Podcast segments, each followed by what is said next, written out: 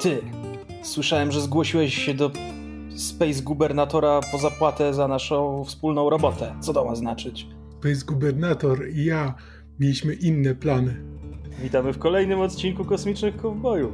Cześć, tak, to czwarty sezon Kosmicznych Kowbojów, w którym omawiamy serial The Book of Boba Fett, księga Boba Fetta, aczkolwiek w tym tygodniu moglibyście no, mieć wrażenie, że wcale tak nie jest. E, ja jestem Krzysiek Ceran, a słyszeliście już Kamila Borka i Rafała Patatyna. Yo, yo. Hello. To oni.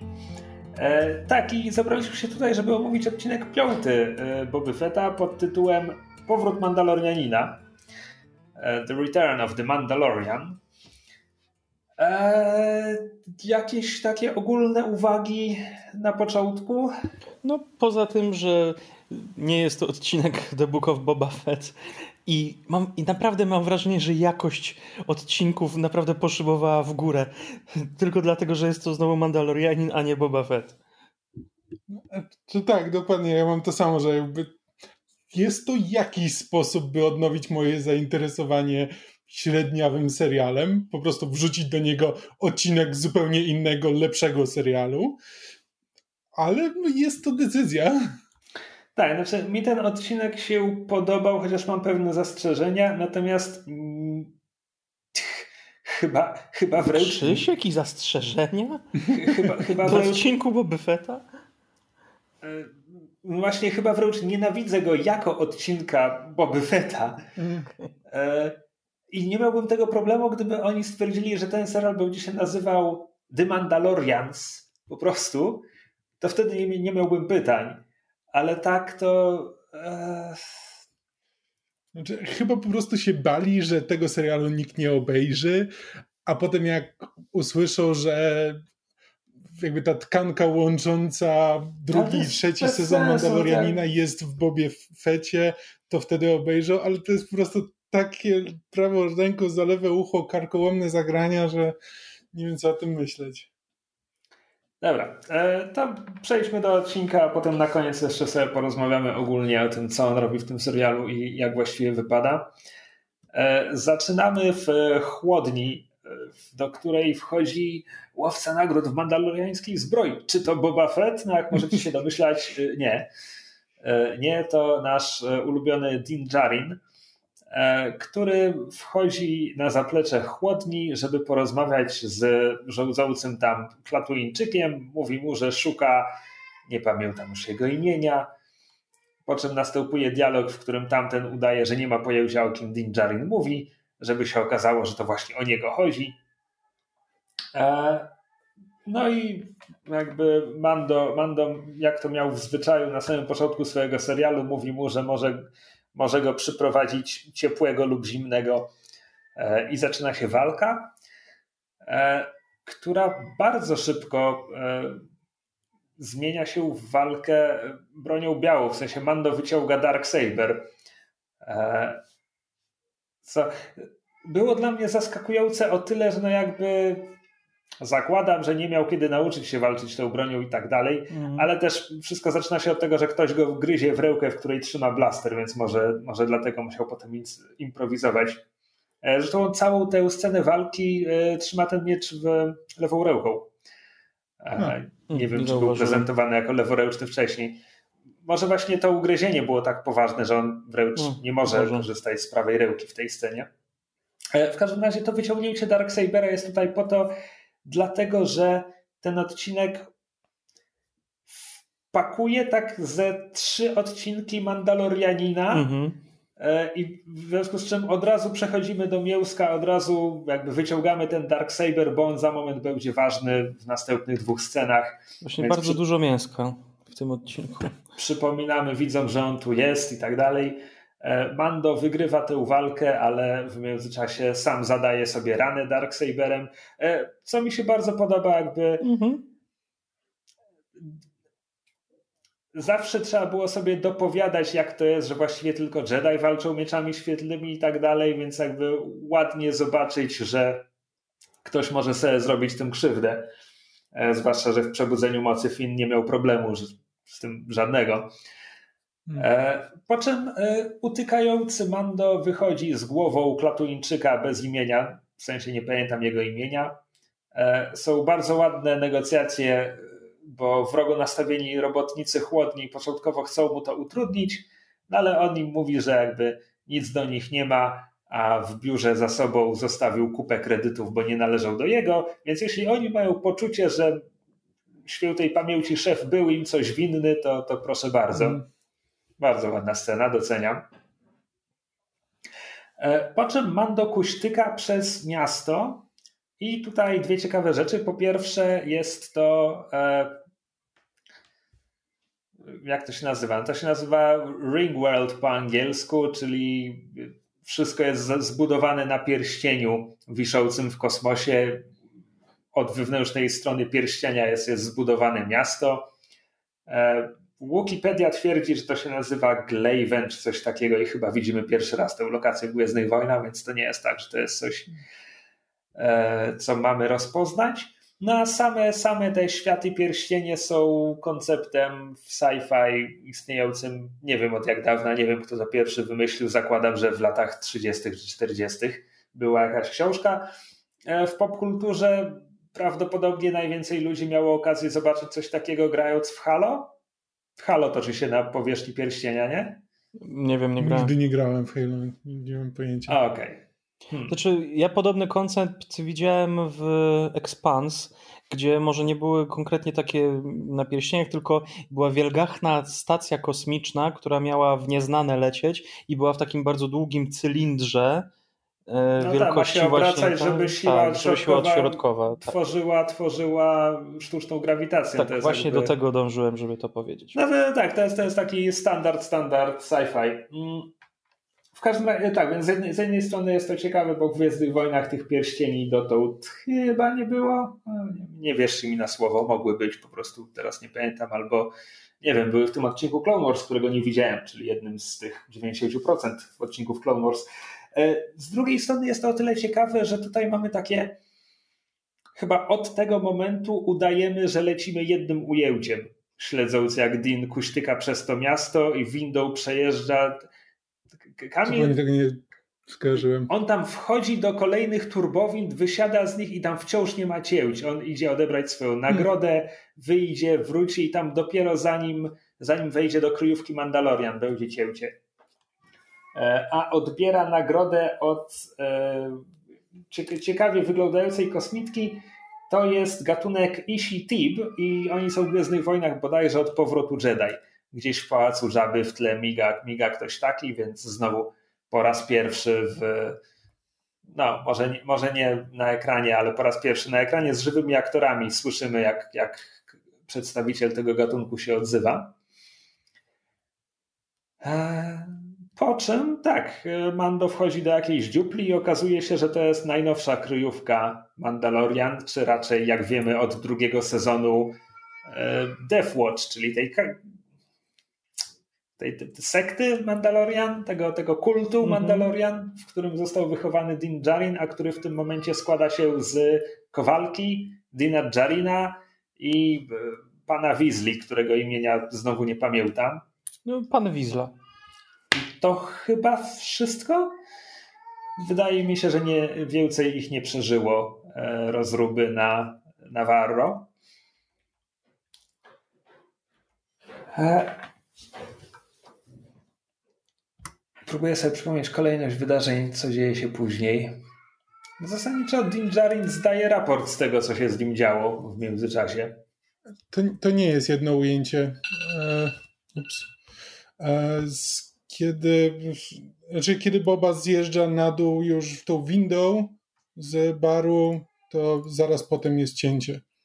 A potem jeszcze są kolejne cięcia, jak się rozgląda po ten, szukając tych niewidocznych znaków kierujących do. No tak, o to mi chodzi. Jed, jedno ujęcie jest wcześniej. No ale to jest dosłownie jedno ujęcie, jak on zjeżdża windą. I to jest całe ujęcie. Hmm. Wychodzi okay, z barów. A, że. Nie, no cała rozmowa to też nie jest jedno ujęcie, bo tutaj jest. Paz Wisla się nazywa. Wydawało mi się, że jest, ale to trwa dwie minuty, nie będę tego teraz oglądał. Dobrze, możliwe, że jeśli się mylę, to przepraszam. E, w każdym razie tak, Dean zdaje, zdaje relację Kowalcy ze A, swoich... Okej, okay, przepraszam. Chodzi ci o to, że rozmowa plus zjazd windy. Przy... A, czy przejście, dobra. Od wejścia do windy do powrotu do windy. Dobra, okej, okay, okej, okay, okej, okay. źle zrozumiałem. Myślałem, że chodzi ci o to, że na zejście na te niższe poziomy. Nie, nie, nie, właśnie tam, tam wiedziałem, że jest, jest Jasne, jasne. Źle patrzyłem. E, e, tak, więc Dean zdaje relację Kowalce ze swoich przygód z drugiego sezonu. E, mówi jej, jak zdobył Dzidę, mówi jej, że oddał Grogu, że widział się z Jedi. E, nie mówi wprost, że spotkał się z Bo-Katan Kryzę, ale, ale pyta Kowalkę, czy, czy ona czy, wie coś na jej temat. E, I co z tego wszystkiego wynika? Dostajemy bo ja wam mówiłem, kiedy rozmawialiśmy o drugim sezonie Mandalorianina, kiedy tam pojawił się Darksaber, mówiłem wam, że te, te, ta mowa o tym, że on musi zostać zdobyty w walce, to jest wymysł, którego wcześniej nie było i że kiedy ostatni raz fani Gwiezdnych Wojen widzieli, że Darksaber przechodził z rogu do rogu, to właśnie był wręczany przez Sabine Wren dla Bokatan Kryzę. No i tutaj mamy interpretację Kowalki, że właśnie, właśnie w tym rzecz, że legenda głosi, że jeśli nie zostanie odebrany w walce, to wtedy przyniesie to zagładę. No i tak właśnie miało się wydarzyć, bo rządzony przez Bokatan e, Mandalor został zrównany z ziemią przez Imperium i tu dostajemy krótki flashback i to są po prostu Gwiezdne Wojny robiące Terminatora. To znaczy najpierw mm. widzimy e, TIE Bombery e, no, bombardujące, bo co, ma, co mają robić? Powierzchnię planety, a potem z płomieni wychodzi szereg droidów, to jest ta seria KX, czyli e, jak w Rogue One jest K2SO, no to są droidy tego samego typu, jeszcze nad nimi unoszą się te, te latające e, droidy zwiadowcze i tam strzelają do jakichś ocalałych czy coś takiego. Po prostu Terminator. E, bardzo, bardzo mi się to ujęcie spodobało. Gdybym miał zgadywać, Zgadywałbym, że Kowalka jako szefowa Deathwatch jest bardzo niewiarygodną narratorką w tej sprawie mm. i że w następnym sezonie Mandalorianina coś tu jeszcze z tego wyjdzie, ale nie wiem, może się doszukuje. No jeszcze pewnie będzie walka. Nie, po prostu sekty. Chodzi, mi, chodzi mi o to, że lubię, lubię Bokatan i tak jakby trochę nie chcę, żeby się okazało, że ten, spartaczyło wszystko tak bardzo, że Imperium wyrżnęło jej całą planetę, którą rządziła. To jakby... Well. Ja, ja, się zastanawiam, czy to nie jest trochę... Były takie newsy o tym, że Pablo Pascal się wykłócał z twórcami o to, że chciałby spędzać więcej czasu bez hełmu w tym serialu. Mhm. I jakby to jest najprostsza droga do tego, że jeśli się okaże, że ta kowalka jest właśnie, że go oszukuje, czy, czy coś takiego, to, to byłby najprostszy sposób do tego, żeby on nigdy nie odnowił swojej przysięgi i po prostu olał to, to wszystko. No, ciekawe, ciekawe. E, tak, więc to jest jedno, co się dzieje. Drugie, co się dzieje, to. My się jeszcze dowiadujemy, że właśnie on, bo on przynosi jej tą um, włócznię z Beskaru i mówi, że nie, Beskar jest tylko na zbroję. Nie, nie wolno tworzyć broni z Beskaru, bo to jest jedyne, co może zniszczyć zbroję z Beskaru. W związku z czym po prostu nie pozwalają na to, żeby w ogóle była, była taka broń. E, tak, tak. Znaczy to a z drugiej strony oczywiście jakby Deathwatch, Deathwatch walczył przeciwko innym Mandalorianom i próbowali przejąć władzę na planecie i przejęli władzę na planecie i tak dalej, więc to nie jest tak, że to jest jakieś symboliczne, że to nasze wspólne dobro narodowe może tylko, można tego, z tego kuć pancerze czy coś, no bo oni się mordowali między sobą, nie mieli z tym problemu i pewnie szło, szłoby im to łatwiej, gdyby mieli dzidy z Beskaru. W każdym razie. Swoją drogą bardzo wygodne. Ona, ona ma tylko narzędzia, podejrzewam, z bezkaru potrzebne do wykuwania zbroi i nimi walczy. tak. Hmm. Też na to zwróciłem uwagę, że to. Nie możesz nazywać tego bronią. Jeśli zrobisz tak. sobie włócznie do kuźni, to spoko. Tak, no w każdym razie Kowalka zażął za zniszczenie dzidy i. E, Tylko patyk Dean, do szaszłyków. Dean mu,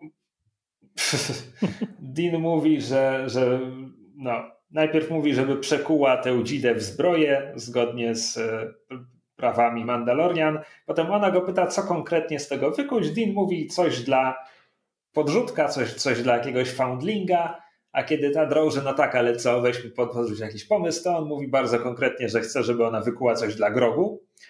I tu dowiadujemy się, że Mando chociaż oddał grogu tygodnie temu, e, to już, już bardzo chce go odwiedzić i upewnić się, że Jedi nie zrobili mu krzywdy.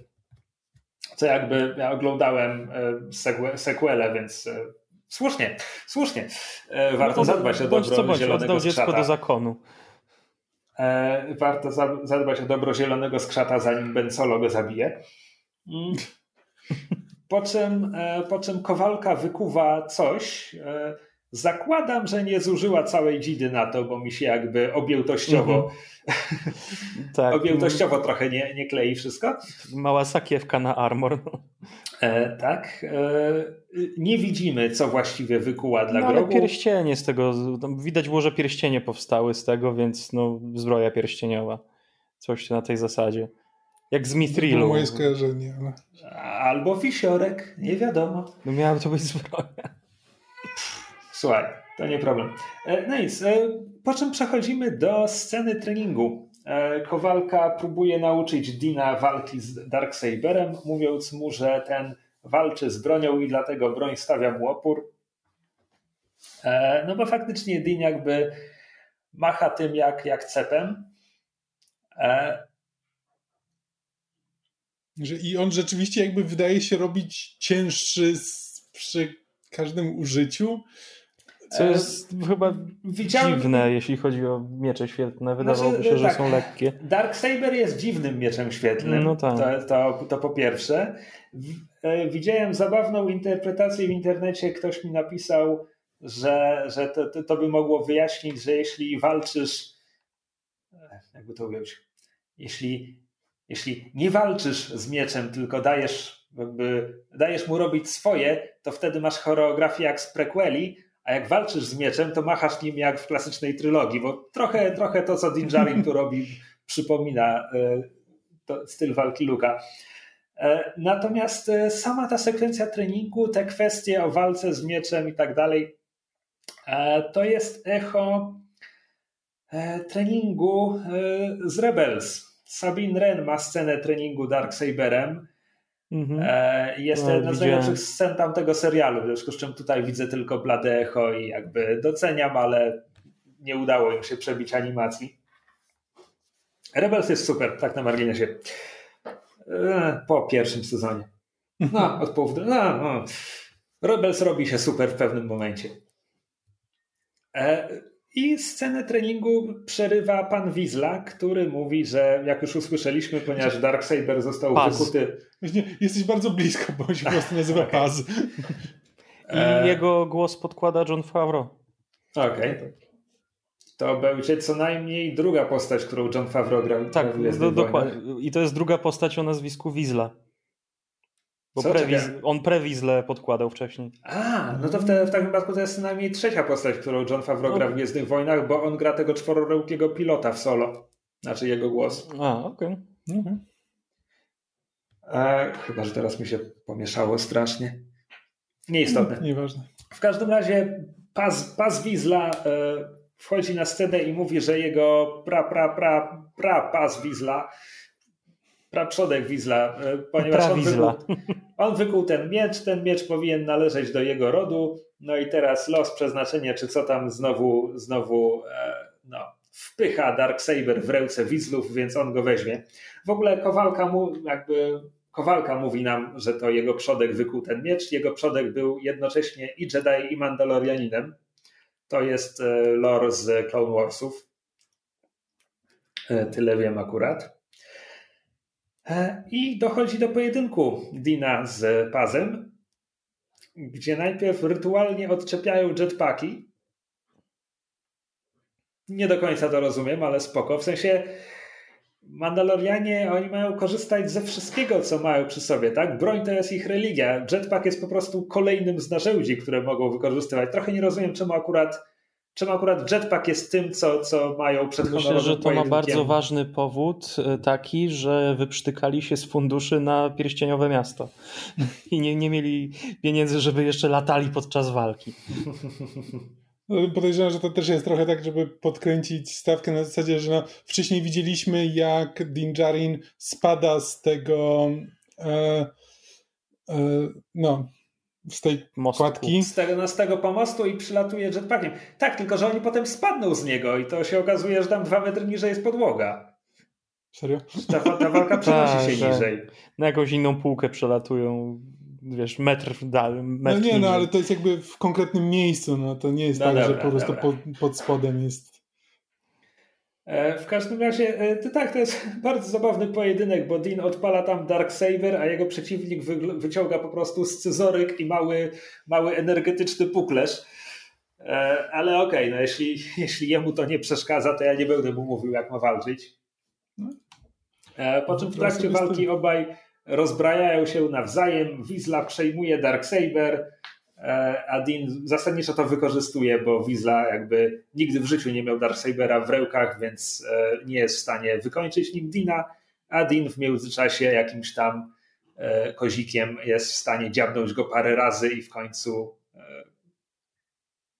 no, kończy w pozycji, w której mógłby mu poderżnąć gardło, gdyby tamten się rzucał. Więc Kowalka przerywa walkę po czym e, domaga się powtórzenia ślubów od obu. Czy jesteś Mandalorianinem, tam nie grzeszyłeś za dużo, czy kiedykolwiek ściągnąłeś hełm? No i Wizla oczywiście mówi nie, a Din Djarin, nasz prawdomówny, szczery Din Djarin mówi, że owszem, zdarzyło mu się. Znaczy, bardzo długo nie chce nic. Nie, on nawet chyba nie mówi w ogóle. On, nie, on mówi. On ostatecznie odpowiada, że, że tak? ściągał hełm. Mhm. A ona wtedy mówi smutek w chuj i spadaj. to było słabe, to było bardzo słabe, Dean, smuteczek. Nara, nie jesteś już Mandalorianinem. E, tak, tam nie ma, nie ma miejsca na jakieś ale. E, znaczy inaczej, Dean pyta, Dean pyta, czy nie ma jakiegoś kruczka prawnego, który pozwoliłby mu odpokutować te uprzewiny i, i pozostać w szeregach. Na co Kowalka odpowiada mu, it is known, że jedyne co można zrobić to odpokutować w źródłach, w kopalniach Mandaloru, ponieważ Żywa woda pod kopalniami Mandaloru. Nie, tam była mowa o żywej wodzie? Żywa woda, tak. Żywa woda to jest chyba we fremeńskim rytuale używana. Nieważne. E, Dean będzie musiał znaleźć jakiegoś czerwia. Gwiezdne wojny ściągające z Duny? Nigdy. Tak. Ale kopalnie zostały zniszczone, więc haha, good luck. Znaczy, spoko. Jakby od momentu, gdy wiem, że to jest tylko Death Watch, to jasne, niech, niech oni sobie wierzą w co mhm. chcą, nawet największe bzdury. E, no więc jakby Dean... No, Dean ma powód, żeby lecieć na Mandalor. Tak. No bo to, to, że kopalnie są zniszczone, to znaczy, że pod nimi nadal nie ma wody. To ale co, co Dean no mamy zapowiedź się... kolejnego sezonu. No. A, tak. E, w, w każdym razie Dean opuszcza kryjówkę Mandalorian i wykupuje przelot ponieważ Razor Crest został zniszczony w finale, czy tam blisko finału drugiego sezonu Mando. Kompletnie nie pamiętam w jaki sposób Razor Crest został zniszczony. Wiesz co, na tej planecie, na której Grogu musiał świecić latarnią w niebo, e, tam przyleciało Imperium i Dean razem z Bobą i Fenkiem e, odpierali kolejne ataki, ataki kolejnych falszturmowców, a potem przylecieli Dark Trooperzy którzy no. porwali Grogu i chyba jeden z nich na odchodne rozwalił Razor Cresta. Okej. Okay. No tak, no e, więc ma więc tak, tylko jeden zmuszony, e, Dean jest zmuszony skorzystać z pasażerskiego liniowca. Ryanerem musiał. sitcomową scenę pod tytułem e, Droid Bileter nie pozwala mu wejść z bronią. Na co on mówi, jestem Mandalorianinem, broń to część mojej religii, na co droid odpowiada, to może pan lecieć jutro. E, po czym dostajemy długą scenę, jak Dean wkłada, wkłada do skrytki całą swoją broń. E, więc oczywiście jest to komediowe, bo ma jej przy sobie tyle. E, po czym, po czym zajmuje miejsce w liniowcu, a przed nim leci małe rodiańskie dziecko, w związku z czym Aha, a on wyciąga tę, tę sakieweczkę, do której Kowalka schowała mu prezent dla Grogu. Ta sakieweczka ma takie, jest zawiązana w taki wełzełek, więc nawet, nawet wygląda trochę jak, jak główka Grogu, mm. a potem nad oparciem fotela przed nim e, spogląda na niego zielone dziecko z wielkimi czarnymi oczyma, więc mm. jakby biedny Dean gdzie nie spojrzy widzi Grogu. No, brakowało tylko jakiegoś all by myself w tle, żeby tak, leciało. Tak, tak, tak. Mógłby też, mógłby też spojrzeć w mgławicę obok i odkryć, że układa się w kształt takiej główki z wielkimi uszami. E, Feel bad, nie. just want him back. Mm. Jakaś reklama tawerny na, na monitorze. Chcesz grogu? Zapraszamy do... tak. E, po czym Dean przylatuje na Tatooine, odzyskuje swoją broń i okazuje się, że jest tutaj, ponieważ otrzymał wiadomość od Pelli Motto, jeśli dobrze pamiętam imię postaci, e, pani mechanik granej przez Amy Sedaris, chcę powiedzieć Amy Sedaris. Mhm. Ja nie oglądam SNL-a, w związku z czym za każdym razem, kiedy te seriale angażują kolejnych komików, ja, komików, ja się muszę uczyć, kim są Ona ci była ludzie. w SNL-u? A nie była, ja miałem wrażenie, że tam wszyscy ci komicy są z SNL-a. Nie, nie w, w SNL-u to. Nie, dobra, nieważne. No było, nie? W każdym razie Amy Sedaris właśnie ma problem ze, ze szczurem Łąb, bo wiecie, w Nowej Nadziei Luke Skywalker mówił, że polował na szczury Łąb ze swojego mm -hmm. T-16, e, w związku z czym e, co jakiś czas Gwiezdne Wojny muszą nam pokazać, o czym właściwie mówił. No i tutaj Dean wchodzi cały na biało i załatwia go jednym strzałem. A, a oczywiście szczur łąb, zanim rzucił się na Amy Sedaris, zaatakował jednego z jej droidów, bo e, Pelli Motto ma nowego droida, e, bo gdzieś po drodze ukazało się Fallen Order, w związku z czym znowu w ramach tego krzyżowania się różnych wizualnych elementów e, wszystkich Gwiezdnych Wojen w ramach jednego medium, e, mamy tutaj droida w typie tego z Fallen Order. Zakładam, że nie jest to konkretnie BD-1 i jest to po prostu inny droid BD. Z drugiej strony John Favreau i Dave Filoni tak bardzo chcą łączyć wszystko ze wszystkim, że jakby obiecuję sobie nie załamać się, jeśli dowiemy się, że to naprawdę jest BD-1. I niedługo się pojawi u niej, bo chce go odzyskać. E, właśnie ja cały czas mam, w którym momencie się dzieje Mandalorian, a w którym dzieje się Fallen Order? Nie, nie, On... Fallen, Fallen, Order dzieje się przed Nową Nadzieją jeszcze. Fallen Order jest między Zemstą Sithów i Nową Nadzieją. Mandalorianin jest e, 9 lat po Nowej Nadziei. Hmm. No, ale Kal możliwe, że żyje jeszcze. No, ale nie pokażą tutaj. nam go w telewizji, dopóki nie będzie drugiej gry, jakby, która by no, nam cokolwiek okay. powiedziała na ten temat. Z drugiej strony ten, jak mu tam? E, Joker. A, Joker z Gotham. Nie, nie widziałem go w niczym ostatnio, więc zakładam, że ma czas. Cameron Monahan, tak? Tak. W pierwszej chwili chciałem powiedzieć Dominik Monahan, ale to chyba jeden z hobbitów. E, e, tak, e, w każdym razie okazuje się, że e, pani mechanik wezwała Tudina, bo znalazła mu statek, który mógłby zastąpić Razor Cresta. Trochę żałuję, że nie zobaczyliśmy tego, jak Dean odbiera tę wiadomość, bo to by nam coś powiedziało o komunikacji międzyplanetarnej i międzysystemowej w Gwiezdnych Wojnach. E, bo to zawsze są jakby, no mówię, tak gwiezdnowojenna technologia, która może wszystko i nic. E, czasem po prostu Obi-Wan odpala komunikator i rozmawia jakby z, z Jedi, który siedzi na Coruscant, a czasami nie ma jak się połączyć z wioską obok, bo magnetyczne chmury blokują sygnał czy coś tam. E, w każdym razie tak, więc e, Dean, e, Dean prosi, żeby tam mu pokazała statek i najpierw widzimy kształt pod, pod prezentową płachtą i ja w pierwszej chwili obstawiałem, że to będzie coś innego, bo mi się skojarzyło przede wszystkim z tym Grievous latał takim strasznie śmiesznym myśliwcem, e, co to wyglądał jak limuzyna na sterydach. Też miał mhm. kabinę z tyłu, dwa silniki wystające do przodu. E, ale nie, e, bo po ściągnięciu płachty okazuje się, że to jest mhm. po prostu po prostu zwykły myśliwiec N1 z Nabu królewski.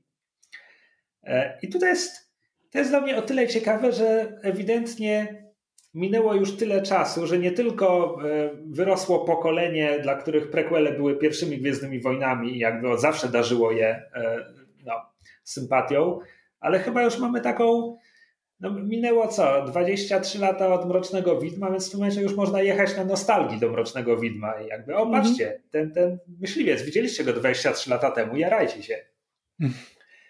E, Dean się nie jara. E, Dean się bardzo nie jara przede wszystkim dlatego, że liczył po prostu na kolejnego Razor Cresta. Swoją drogą Razor Crest jest nazwą typu statku, więc to jest kolejny Mandalorianin, który e, nie nazywa swojego statku żadnym, żadną nazwą, tylko posługuje się modelem.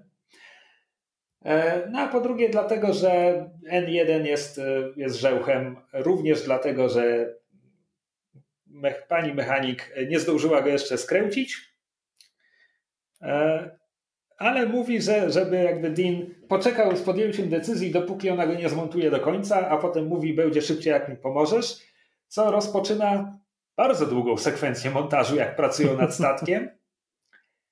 I kurczę, ona mi się podobała. Mhm. A ja no rzadko to, to mówię fajny. o takich sekwencjach.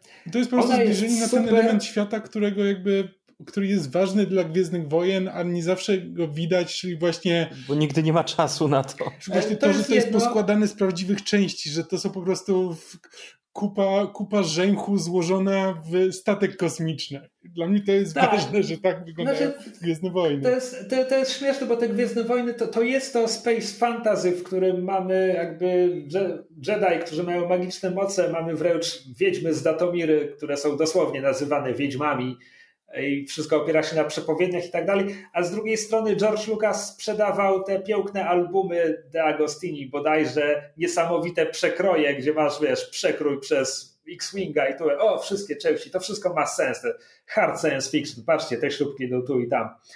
E, więc tak, to są zalety. Dla mnie główną zaletą tego jest to, że w trakcie tego montażu widzimy, jak Dean zaczyna kochać ten statek.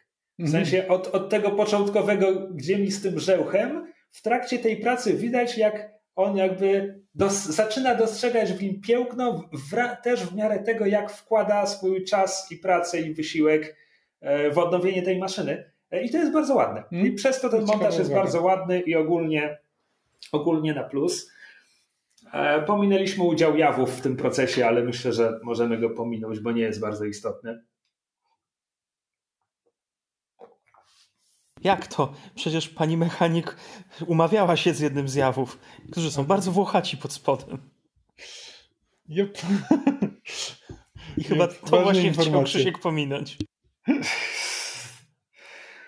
E, tak. E, po, czym, e, po czym dochodzimy do próby pierwszego przelotu i tutaj mam jeden, drobia, jeden drobiażdżek, e, to znaczy bo oczywiście, kiedy Dean odpali start, to jest ten klasyczny komediowy ten, że, że, że statek nie odpala i przeżyłbym bez tego. Jakby po tym wielominutowym montażu, w którym widzimy, jak on zaczyna kochać tę maszynę, to mogło po prostu zadziałać, już nie musieliśmy, nie, nie musieliśmy mieć tej pauzy.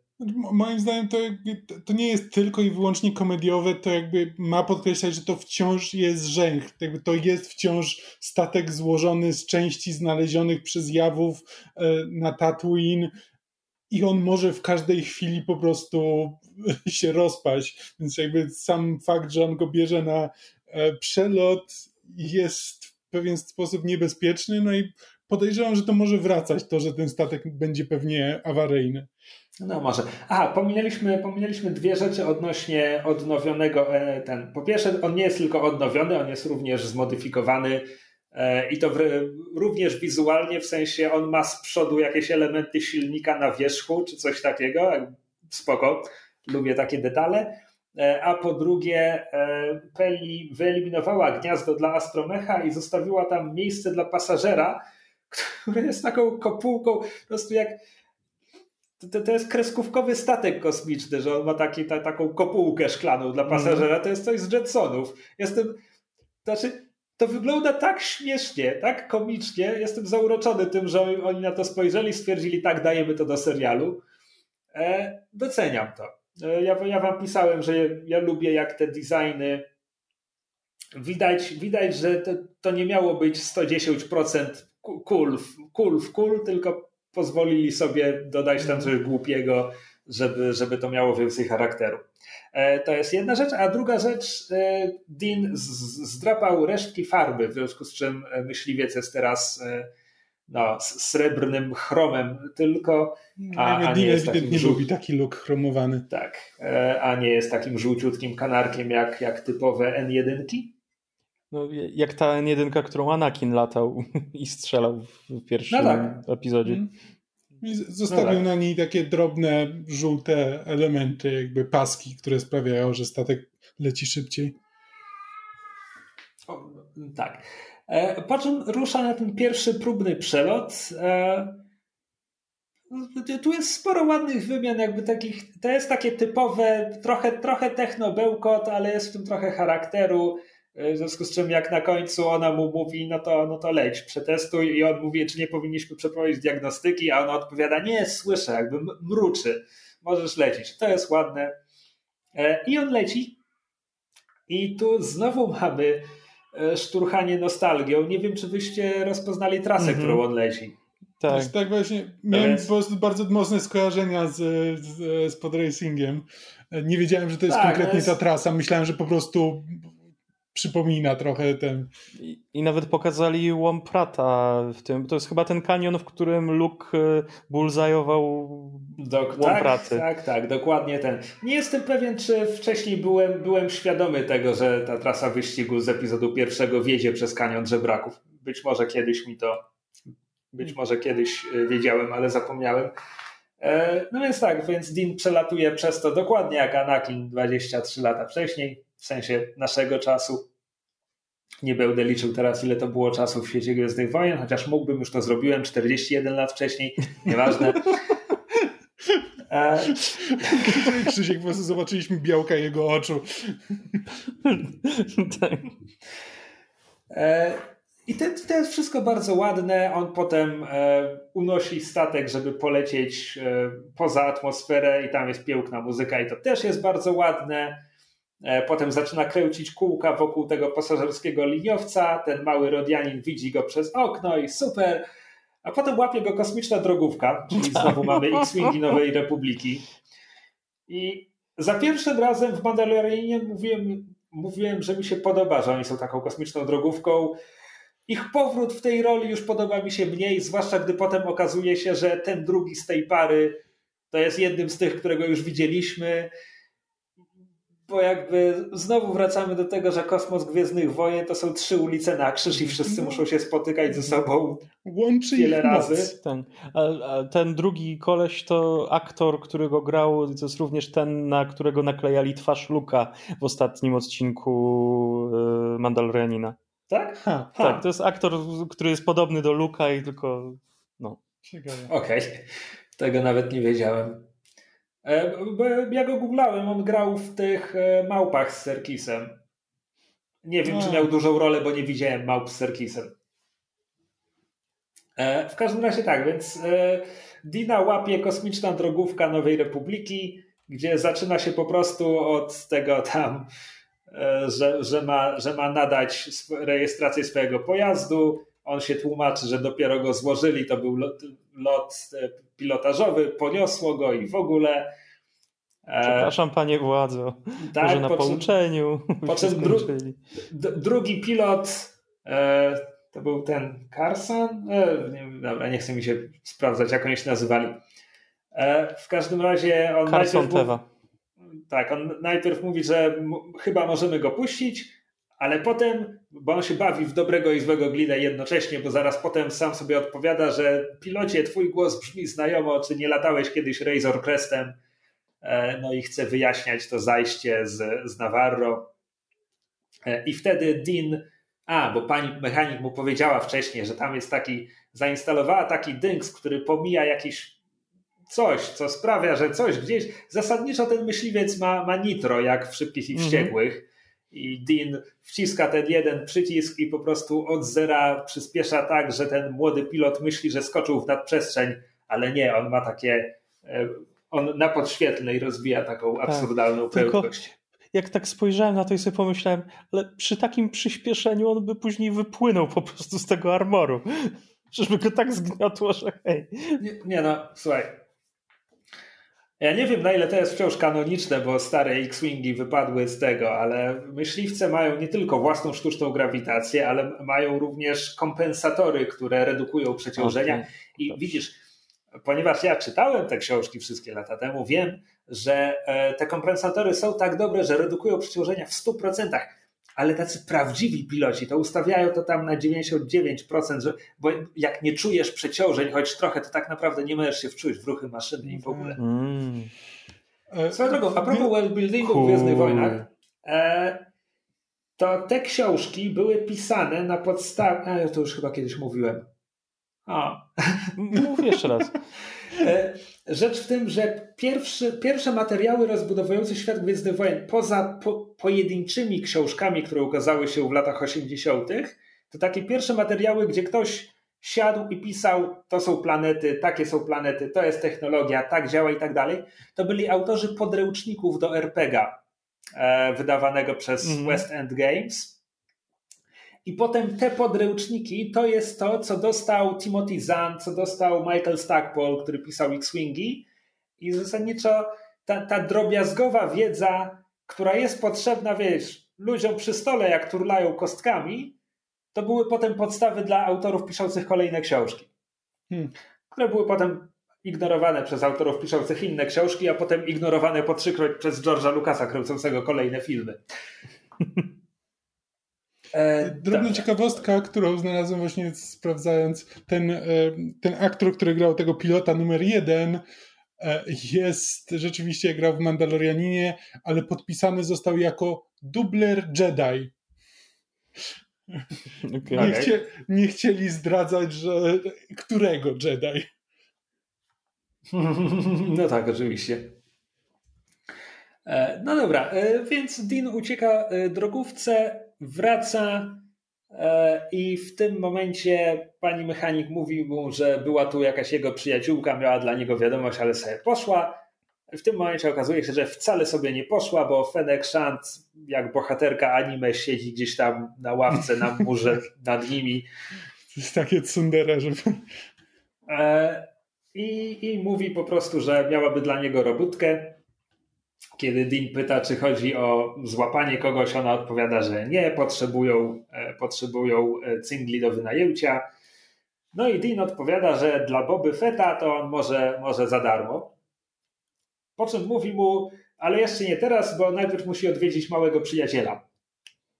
E, co spoko, wydawało mi się, że ten atak pajków jest dość naglo, nagłą sprawą.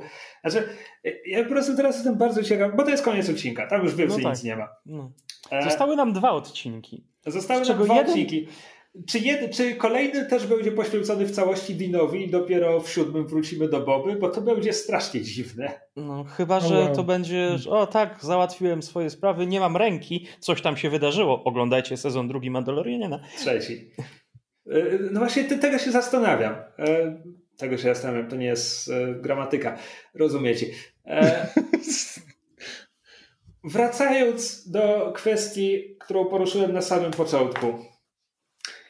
To jest bardzo ok odcinek Mandalorianina. Nazwałbym go bardzo dobrym odcinkiem Mandalorianina, gdyby nie to, że wepchnięcie nam tu naprawdę to był w Mandalorianinie to byłyby trzy odcinki. W sensie zdobycie mm. nowego statku, absolutnie to jest tutaj temat. Powrót do Mandalorian i odejście to jest co najmniej jeden odcinek. Upchnięcie tego w te 45 minut e, tro, trochę jest Mam wrażenie, że jest to po łebkach zrobione. Znaczy, nie zdobycie nowego myśliwca. To dostało tyle czasu, ile miało. Chodzi mi o to, że w Mandalorianinie tutaj byłyby jeszcze dwa inne questy, żeby on musiałby z tymi jawami coś zrobić, żeby dostać te mm. części do silnika i tak dalej. I wtedy masz pełen odcinek Mandalorianina, jak jest tam niepotrzebny sidequest.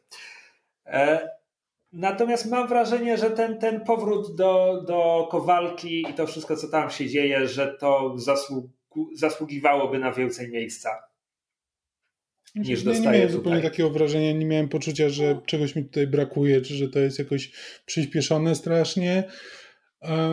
I też po prostu mam wrażenie, że Mandalorianin być może na gorsze, ale trochę będzie. To jest tylko podejrzenie, ale że po prostu czasy, w których to były po prostu takie questy na zasadzie, że Mandalorian gdzieś idzie i wykonuje coś tam niezwiązanego z niczym, tylko po to, żeby żeby pokazać jakąś tam przygodę, trochę są już za nami, bo to już będzie wchodziło dużo bardziej w mitologię Gwiezdnych Wojen, w Mandalorian, w tego typu rzeczy i podejrzewam, że wszystko będzie bardziej robione po coś, a nie tylko po to, żeby budować klimat. Tak, że większość odcinków jednak będzie podpięta pod tą główną fabułę, wróci Mow Gideon, w, w, wróci Bo-Katan i to, to wszystko będzie się jakoś tak bardziej kleiło, a znaczy, nie, nie będzie to Monster of the Week. Nie, nie miałbym nic przeciwko temu, ale trochę uwierzę jak zobaczę, bo jakby hmm. po drugim hmm. sezonie Mandalorianina te, też tak przypuszczałem zanim się zacznie, a jednak sidequestów tam nie brakowało. Zobaczymy. No bo Dzidę musiał zdobyć, musiał Grogu przewieźć gdzieś tam, no. Panią Żabę, przecież to było bardzo ważne. A, tak, no. A może pani Żaba jeszcze wróci, no. Ale... Nie chciało im się ewidentnie zmieniać napisów końcowych, bo wciąż e, na pierwszym miejscu jako starring jest Temuera Morrison. tak. E, jak myślicie, czy Pedro Pascal był na planie tego odcinka choć raz? Hmm. Mówię, widziałem, że. Nie wiem. Nie wiem, na ile mam w to wierzyć, bo to były po prostu jakieś newsy na Twitterze, ale że właśnie, że Pedro Pascal jest dosyć mocno jakby nie pokłócony, ale że jakby właśnie walczy z twórcami, więc po prostu wyobrażam sobie, że mógł stwierdzić na zasadzie, jeśli nie chcecie mnie pokazywać bez hełmu, to wyślijcie tam kogoś, ja wam przyjdę do studia na jeden dzień, nagram wszystkie kwestie i pójdę do domu. Znaczy, bo, bo on w pierwszym sezonie Mandalorianina, jeśli dobrze kojarzę, to tam przede wszystkim Kaskadera oglądamy, nie, nie jego.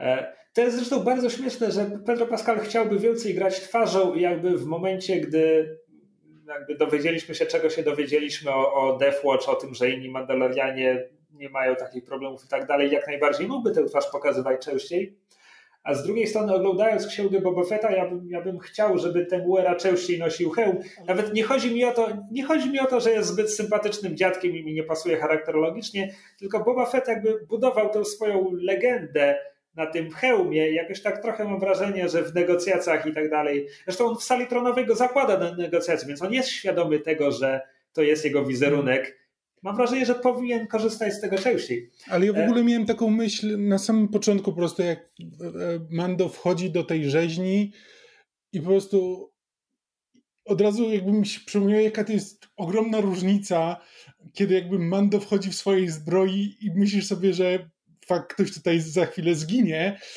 a kiedy wchodzi Boba bez hełmu i myślisz sobie, E, dzień dobry, czy można jakoś panu pomóc? Zgubił się pan. E, wchodzi Boba i słyszy tylko Boba, Boba, Boba Fett. jakby, to jest niesprawiedliwe, bo Temuera Morrison na pewno mógł mi skopać tyłek po prostu od wczoraj do wtorku, ale po prostu to nie jest ta prezencja jakby w, szczególnie w porównaniu z tym jakby jak sama zbroja Mandalorian się prezentuje i e,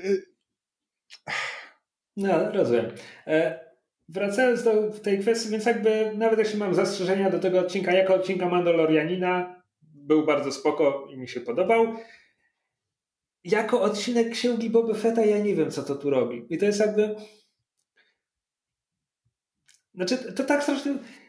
Zakładając hipotetycznie, że ktoś kiedyś nie, nie ma pojęcia o serialu Mandalorianie i chce sobie po prostu obejrzeć księgę Boby Fetta, bo lubił Boba Fetta w Powrocie Jedi czy coś tam, mm. no to ogląda cztery odcinki i nagle dostaje to. Po cholerę. Siedem odcinków to nie jest... Z jednej strony siedem odcinków to nie jest dużo, z drugiej strony jak spojrzymy na to, co się właściwie wydarzyło, ja mam wrażenie, że twórcy i tak nie mieli pomysłu, jak zapełnić siedem odcinków, więc to nie jest żaden problem, że jeden oddali Dinowi. Mm.